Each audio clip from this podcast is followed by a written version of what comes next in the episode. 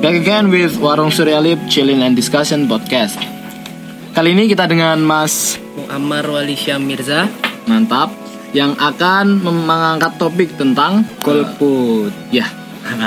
karena dekat-dekat ini kan kita mau ada berbagai pemilu Berbagai pemilu. pemilihan caleg Pesta pemilihan- demokrasi. nah, Nah. pesta demokrasi lebih tepatnya jadi sepertinya mengangkat apa namanya topik golput itu lebih pas lah Ya. Di- Selain itu kita juga bisa tahu di sini apa sih yang dinamakan pemilihan, apa sih yang tidak boleh dalam memilih, bagaimana cara memilih memilih apa yang calon kita pilih. Nah, tapi kan kita dengan mengangkat tema golput ini berarti kita berfokus ke golput. Nah, Kayak gini loh, yang masih jadi pertanyaan kita Mas Mirza. Kalau sebenarnya menurut Mas Mirza itu golput itu seperti apa sih? Oh ya, oke di Bismillahirrahmanirrahim dimulai dari pertanyaan pertama ya tentang golput. Golput itu arti secara harafiah itu adalah golongan putih yang berarti dia itu tidak memihak suatu pasangan atau calon mana pun di Eh, diulangi ya. Eh, golput itu secara harafiah adalah berarti golongan putih. yang di mana itu dimaksudkan kepada orang-orang yang memilih untuk tidak memilih. Nah. Jadi sebetulnya golput itu juga pilihan. Nah, pilihan untuk tidak memilih. makanya namanya golput ya, memilih untuk menjadi putih tidak Iya betul gitu ya. betul tidak apa ya tidak menaruh dukungan tidak menggunakan hak suaranya kepada siapa pun. Makanya besok kita bikin partai tanpa warna biar orang-orang golput bisa memilih kita. Itu pula kawan. Nah, kalau misalkan golput ini tuh sebenarnya tadi ya berarti artinya tidak menggunakan hak pilihnya. Iya betul. Nah, padahal ki sebenarnya kita dikasih hak pilih buat menjadi eh buat memilih siapa yang akan memerintah pemerintahan ini. Dan pemimpin itu bukannya menurut pandangan saya itu kan penting untuk menjalankan sebuah sistem pemerintahan apalagi di negara demokrasi seperti ini Mas Mirza Eh, dengan adanya golput seperti ini menurut pandangan Mas Mirza itu lebih mendukung atau tidak sih di samping bahwa golput itu juga pilihan tapi kan kita juga harus memilih se- seorang pemimpin Nah, iya. Eh, yang pertanyaan kali ini coba saya jawab ya sebisa saya. Ya, harus bisa Nah, dong. ya. Pilih mah jangan lupa. Iya, betul. Nah, berhubung saya ini kebetulan sedang nyalek juga ya, Mas-mas ya di Kota Gede Umbul Harjo, Dapil 5, nomor 5 Partai Demokrat. Siap. Jangan lupa dipilih. Walisya Mirza. Numpang juga. Kalau ditanya tentang pro atau kontra ya berarti di golput ini ya jelas saya lantang meneriakan saya kontra dengan golput. Karena apa? Ya karena di situlah di pesta demokrasi inilah letak nasib masyarakat luas ada di tangan masyarakat itu sendiri. Nah, jadi ketika mereka itu tidak mempergunakan hak pilihnya secara optimal, ya sudah berarti istilahnya eh, keterwakilan mereka di parlemen ataupun di eksekutif otomatis gugur karena ya dia memilih untuk tidak memilih gitu. Ya. Jadi pada dasarnya pilihan itu eh ada yang baik, ada yang buruk. Saya katakan golput itu juga pilihan. Kembali lagi ke pilihan itu ada yang baik, ada yang bunur, buruk, ada yang benar, ada yang salah. Kalau ka- kalau kalian itu ujian itu ada pilihan ganda. Itu nggak semuanya benar kan? Ada pilihan yang benar, ada pilihan yang salah. Analoginya seperti nah, itu. seperti itu. Nah, kita jadi sedang mengadakan pilihan ganda, menjawab soal-soal dan memilih jawaban yang benar ngono ya, Mas? Ya Istilahnya. betul. Itu kalau saya katakan tadi golput itu adalah pilihan, tapi sayangnya itu pilihan yang salah menurut saya pribadi. Karena ya itu tadi eh, nasib bangsa itu ada di tanganmu, ada di tangan untuk mengarahkan pilihanmu Pilihan kita. akan jatuh kepada Siapa? siapa. Nah, Nah, jadi begitu kan eh, apa ya? Eh, kalau misalkan kita golput tuh ya gitu tadi jawabannya. Nah, tapi sebelumnya ini ada pertanyaan. Kenapa orang kok bisa sampai jadi golput gitu loh, Mas? Apa latar kira-kira apa latar belakang orang-orang kok bisa jadi golput gitu? Soalnya gini mas, eh, aku pernah baca di sebuah media cetak di internet itu golput kembali menjamur istilahnya itu mulai 2019 ini karena ada dua paslon itu dan beberapa pemilih itu antara masih ragu dengan pilihan mereka itu. Nah itu kira-kira kalau menurut pandangan eh, yang yang dianalisis oleh Mas Mirza sendiri apa yang melatar belakangi menjelang pemilu 2019 ini semakin menjamur golput-golput seperti itu. oh ya, coba saya jawab lagi ya Mas ya. Pertanyaan yang cukup bagus menurut saya. Eh, jadi alasan mendasar kenapa orang itu memilih untuk golput pada dasarnya karena mereka itu ada rasa tidak percaya Hmm. antara kedua pasangan calon kalau kita bilang itu Pilpres. dalam koridor pilpres. Kalau untuk pileg itu ya mereka masih belum yakin Hmm. kepada calon-calon yang akan mereka pilih.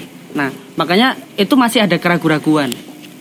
Kenapa golput? Mereka masih ragu-ragu. Mereka masih menaruh rasa tidak percaya dan asas ketidakpercayaan itu mereka kedepankan. Makanya itu mereka memilih golput. Tapi kalau dari aku gini mas Golput tuh aku bagi menjadi dua itu loh Ada orang benar-benar dia tuh prek dengan politik Ada yang dia tuh sudah mencari informasi tentang calon-calonnya Bakalan melakukan apa Dan dia tidak setuju semua gitu loh Jadi gini nih, menariknya eh, dari situs yang aku baca, alasan mereka golput itu juga ada yang kayak ikut-ikutan tren istilahnya Mas Mirza. Nah itu kan juga memberatkan bagi seorang contohnya calon apa calon pemerin apa calon pemimpin itu sendiri kan memberatkan maksudnya kalau cuma ikut-ikutan tren temen golput terus ikut-ikutan golput terus nggak tahu apa-apa soal politik terus ikut ikut golput itu kan itu sebuah penyakit. Nah itu kita gimana sebagai masyarakat yang demokratis ini eh, mengarahkan mereka-mereka ini yang emang bener nggak melek politik supaya memang mereka menjatuhkan pilihan ke seseorang? Nah itu mas-masnya udah pinter-pinter, udah tahu jawabannya, udah tahu Kan alasannya bukan juga. kita juga yang denger Nah. ini nanti mas Jadi ya apa? Lewat teman-teman inilah, lewat suara teman-teman inilah eh, bagaimana golongan putih itu dapat disadarkan. hmm. Eh, yang jelas pendidikan politik itu jadi sangatlah esensial karena ya di situlah letak awal pemahaman eh, masyarakat terhadap pentingnya eh, sumbangsih suara mereka ya, di dalam gitu ya mas pesta demokrasi ini seperti itu. Nah, terus eh, saya tadi menggarisbawahi tentang ketidakpercayaan antara paslon satu dengan paslon yang lain. Nah, menurut saya, menurut hemat saya itu kenapa di 2019 ini makin banyak orang yang golput? Karena mungkin yang pertama eh, orang-orang yang golput ini yang tadinya itu nggak golput di 2014 lalu merasa kecewa hmm. di tahun 2019 karena apa yang dia pilih pada tahun 2014 apa yang mereka pilih dan akhirnya eh, berujung ke kemenangan salah satu calon itu di 2014 ternyata tidak membawa hasil yang positif dan tidak membawa hasil yang mereka harapkan. Maka dari itu mereka memilih untuk golput. Berarti gampangnya anu ya mas? Mereka tuh kecewa karena pilihannya mereka tidak melakukan sesuai apa yang diharapkan betul gitu kan? sekali betul sekali. Itu udah udah terlihat jelas karena ya tadi mas-masnya tadi udah bilang bahwasanya 2019 ini kecenderungan untuk golput itu tinggi. Gitu. Sementara di paslon yang satunya karena mereka merasa istilah Jawanya kagol lah sama Hmm. yang peristiwa 2014. Apalagi eh, paslon yang satunya ini kan belum belum memberikan contoh konkret, belum membenti- memberikan implementasi nyata. Karena apa? Ya mereka belum diberi kesempatan. Belum diberi kesempatan tapi masyarakat sudah kagol di peristiwa 2014 kemarin. Nah, maka dari itu ya ya itulah kecenderungan mereka untuk golput seperti itu didasari rasa seperti itu. Nah, terus eh, dampak buruknya tadi udah kita bahas dan udah dijelaskan juga sih sama Mas Mirza tadi. mungkin kita lebih ke ini sih kira-kira gimana sih cara yang tep- tepat untuk Memberitahu mereka. eh, gitu. eh, mengedukasi maksudnya kan kalau kita bicara tentang politik kepada orang yang benar-benar masih awam tentang politik itu kan cukup berat juga nah kira-kira jalan apa sih yang terbaik yang, Yang paling harus dilakukan Iya. ya untuk mengurangi tingkat golput itu ya. Hmm. Yang jelas dan yang paling utama adalah masyarakat juga harus proaktif. Nah, Hmm. juga tetap cari-cari Itu kunci. juga ya. Proaktif itu adalah kunci. Kalau semisal eh, pendidikan politik itu ternyata sudah dijalankan dengan baik oleh eh, pegiat-pegiat politik, namun masyarakat itu tingkat resistensinya tinggi, ya sama aja kan mas. Hmm. Jadi eh, bagaimana cara mengurangi tingkat golput? Yaitu ya masyarakat harus proaktif juga. Proaktif dalam artian yang pertama eh, masyarakat juga harus mau lihat track recordnya Hmm. eh, calon-calon yang akan mereka pilih. Itu yang pertama. Jadi yang bukan hanya asal-asal ikut-ikutan temen Ah, nah, ya, nah, itu. Apalagi sok sibuk tuh, aku nggak setuju banget sama orang-orang sok sibuk. Masuk, eh mergo aku sih sinau misalkan anak sekolah. Ya ginilah apa kita generasi milenial, kita pemuda harapan pemudi, pemuda harapan pemuda harapan bangsa ya apa seenggaknya kita juga harus cerdas lah, mas. Jangan cuma ikut-ikutan, ikut-ikutan tuh apa ya? Kalian nggak tahu maksud dan tujuannya orang yang kamu ikuti, tapi kamu asal ngekor aja apa mau kalian jadi istilahnya ekor bahasa. nah seperti itu kalian juga harus punya sikap sendiri kalian juga harus punya apa namanya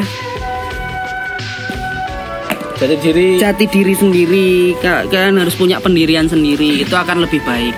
Nah itu bisa juga kita ulas, kalian kaum kaum terdidik. Besok episode berikutnya mungkin kita bahas tentang krisis jati diri. Mantap. nah, mantap itu mas. Lanjutkan. Nah, terus eh, kan tadi juga anu membahas tentang ini ya mas, pendidikan politik. Banyak nih dari kalangan awam yang belum paham tentang pendidikan politik itu sendiri. Sebenarnya kayak gimana gitu loh pendidikan politik apa kayak di kelas Ah. atau kayak sekedar bicara-bicara mengenai politik, diskusi atau gimana sih? pendidikan Maksudnya- politik yang baik lah maksudnya. Itu seperti apa? Ah ya jadi tingkat awal pendidikan politik itu ada di keluarga. Hmm. sebetulnya mas. Eh, sehari-hari itu eh, kegiatan sehari-hari itu tidak terlepas ter- terlepas dari yang namanya politik. Jadi semuanya pasti ada unsur politiknya. Hmm. di awal mula pendidikan politik itu ya ada di keluarga. Keluarga. Pertama itu. Yang kedua ketika kalian itu masih sekolah atau kalian masih kuliah itu ya ada di guru-guru kalian. Ada kalau di SMA ya ada di pendidikan Pancasila. Terus kalau di kuliah sama juga pendidikan Pancasila. Itu itu sedikit banyak mengajarkan tentang pendidikan politik nah terus yang ketiga dari eh, ekstern yaitu ikut organisasi Hmm, Nah. di sana kita dapat diskusi. Nah, di organisasi itu syarat akan pendidikan politik. Bagaimana kamu akan mencapai eh, maksud dan tujuanmu, bagaimana kepentinganmu itu akan berjalan dengan baik dan lain sebagainya. Itu juga termasuk pendidikan politik. Dan yang keempat dan yang paling bertanggung jawab adalah politisi itu ter- sendiri. Tuh. Jadi politisi itu nggak nggak asal bicara di mana-mana keluar-keluar di mana-mana, tapi juga tanggung jawabnya adalah memberikan pendidikan, politik, yang baik dan benar kepada masyarakat, khususnya kepada konstituennya. Jadi eh, istilahnya saya nih caleg nih, nggak cuma ngajak konstituen saya dengan serta merta ayo ayo pilih aku, tapi harus ada gagasan yang jelas, Nah, harus ada visi misi yang jelas. bertukar opini Nah, seperti itu ya. seperti itu. Sedangkan aku tuh ini loh mas, yang masih sangat eh, aku kecewa. Sekarang tuh banyak spanduk-spanduk di pinggir jalan yang dia tuh eh, memajangkan foto dia dan nama dan nomornya. Tapi kebanyakan tuh masih sekedar itu saja gitu. Kan sebagai orang awam yang tidak menjalankan atau mengurus pemerintahan dengan langsung, kita tuh kan nggak tahu tau apa yang bakalan dia lakuin. Hanya dengan tulisan pilihlah aku misalkan gitu. Nah, sebenarnya yang seperti seperti ini tuh kita bisa cari informasi dia tuh di mana gitu mas. Maksudnya apa yang akan dia lakukan setelah terpilih tuh di mana? Jadi bukan hanya sekedar dari omong belaka dia itu. Nah, informasi yang kita dapatkan itu dari mana? Seperti itu ya. Ah, upload ya pertanyaannya ya. Ya kalau itu tergantung eh, calegnya masing-masing sih mas. Akan akan pakai media apa mereka mau menjelaskan visi misinya. Entah itu ada di sosial media, entah itu ada di sosialisasi terbuka. Hmm. Itu tergantung politisinya. Eh calegnya itu mau Berarti pakai media apa? poin keempat yang udah dijelasin Mas Mirza itu ya balik lagi ke politisinya itu ya. Iya betul. Bahwa kalau politisinya itu juga harus proaktif mendidik, ya kan? Iya, mendidik apa namanya eh, masyarakat memberi pengetahuan pendidikan politik itu sendiri supaya lebih mengerti. Betul, tapi itu juga tidak berarti manakala masyarakat itu tidak Tidak antusias. antusias juga. Nah, jadi ya eh, take and give-nya adalah eh, interaksinya harus jalan dengan baik. Mas. Oke. Nah, eh balik lagi aku ada pertanyaan yang agak unik ini. Kalau misalkan kita nggak milih, terus apakah kita bisa protes besok? Iya jangan protes itu Nah, udah itu udah udah Itu. kalian kalian udah dewasa lah kalian ini sebetulnya agak retoris ya mas ya ketika kalian itu nggak ada sumbang sih Kenapa? ya kenapa harus Kenapa protes, harus protes? Anda tidak usah Itu. macam-macam Nah, karena Anda ma- tidak ikut-ikutan. maka dari itu ketika kalian tuh ingin protes seenggaknya kalian ngasih sumbangsi dulu Sumbangsi. mantap mantap ini Memberikan pilihan. Nah, gitu. Jadi ka- ada yang kalian kritisi kalau kalian nggak mengajukan wakil, apa yang kalian kritisi? Kan seperti itu, Mas. Eh, kalian aja nggak Milih gitu ya. Kok bisa waktu protes kok maju paling depan. Nah. seperti itu ah, ah, boleh nggak dilarang undang-undang. Cuman kalau dari segi etika kan agak kurang lah ya mas. Udah Kita- masuk, bro. Ah, kita punya adat ketimuran. Kita ke kearifan lokal itu menjunjung tinggi Menjunjung etika. tinggi etika. Ah, kayaknya agak kurang pas kalau seperti itu. Terus eh, kalau menurut Mas Mirza sendiri akankah golput terutama di Indonesia ini apa namanya kayak budaya golput itu akan hilang atau justru akan terus ada setiap tahunnya?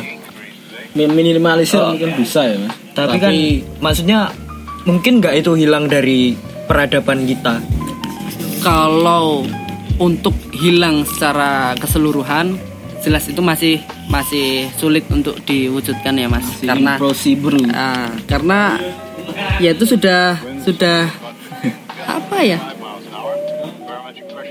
Masih wes wes jelasnya kok yang ngono. Wes Hmm, wes pakem, oh, udah pakem. ah, memang seperti itu itu loh. Yang bisa kita lakukan hanya menekan angka. menekan angka itu golput tadi. itu tadi dengan cara pendidikan politik.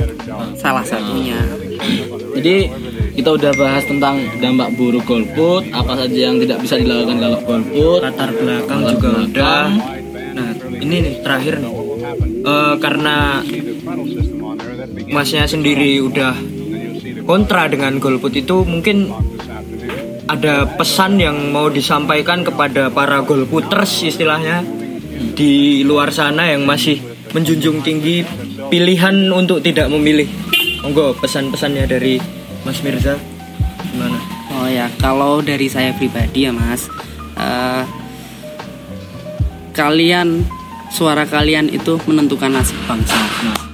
Itu Eh, sangat ayolah kawan kita pergunakan hak kita secara optimal untuk kemajuan Hmm. bangsa dan negara. Toh ujung-ujungnya juga manfaatnya buat kalian juga. Hmm. Seperti itu. Kita kaum terdidik, kita sudah apa ya?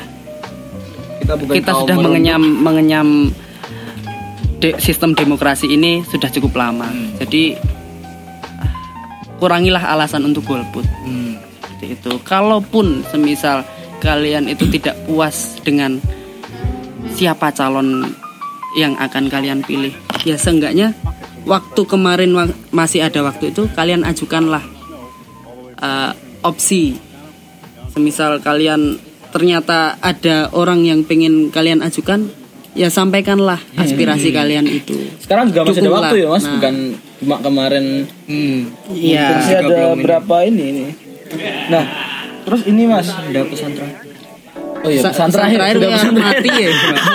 ada pesan yang untuk disampaikan kepada masyarakat Indonesia menjelang pemilu ini mungkin ya pertemuan kita dengan Mas Mirza cukup sampai di sini aja dan Ya, daripada kalian ngantuk Hmm.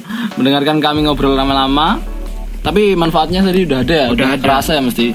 tinggal nanti para pendengar kan bisa mengambil Oh ini ini nih ada nilai-nilainya. ada, Oh, monggo, ada monggo. Tambahan lain. ada tambahan yang Boleh, saya boleh, kelupaan. Eh, salah satu alasan saya kenapa saya maju nyalek itu juga untuk menekan angka golput. Wah. Dari kalangan biar apa ini? kalian itu punya pilihan.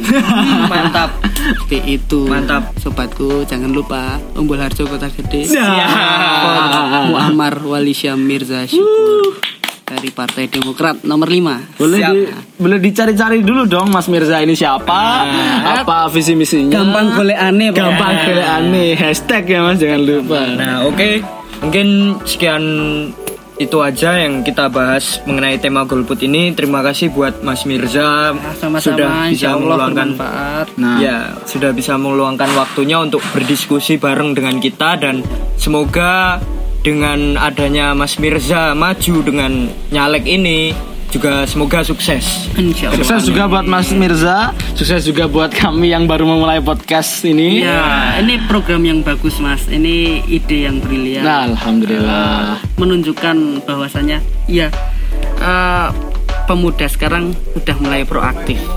Terima kasih. Nah, buat para pendengar nih bisa komen di Instagram kami @warungsuryalip.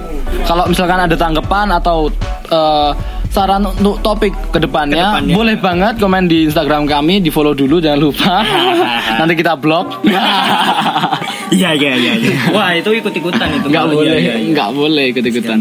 Nah, kita beda. Oke, terima kasih Mas Mirza. Ya, sama-sama, Selamat Mas. bertemu kembali dalam topik yang lain. Semoga Selamat. selalu bisa memberi kita ilmu dan manfaat. Oke, stay tune terus pokoknya di Warung Suryalip Podcast. Chillin and Discussion Podcast. Sampai jumpa di episode selanjutnya.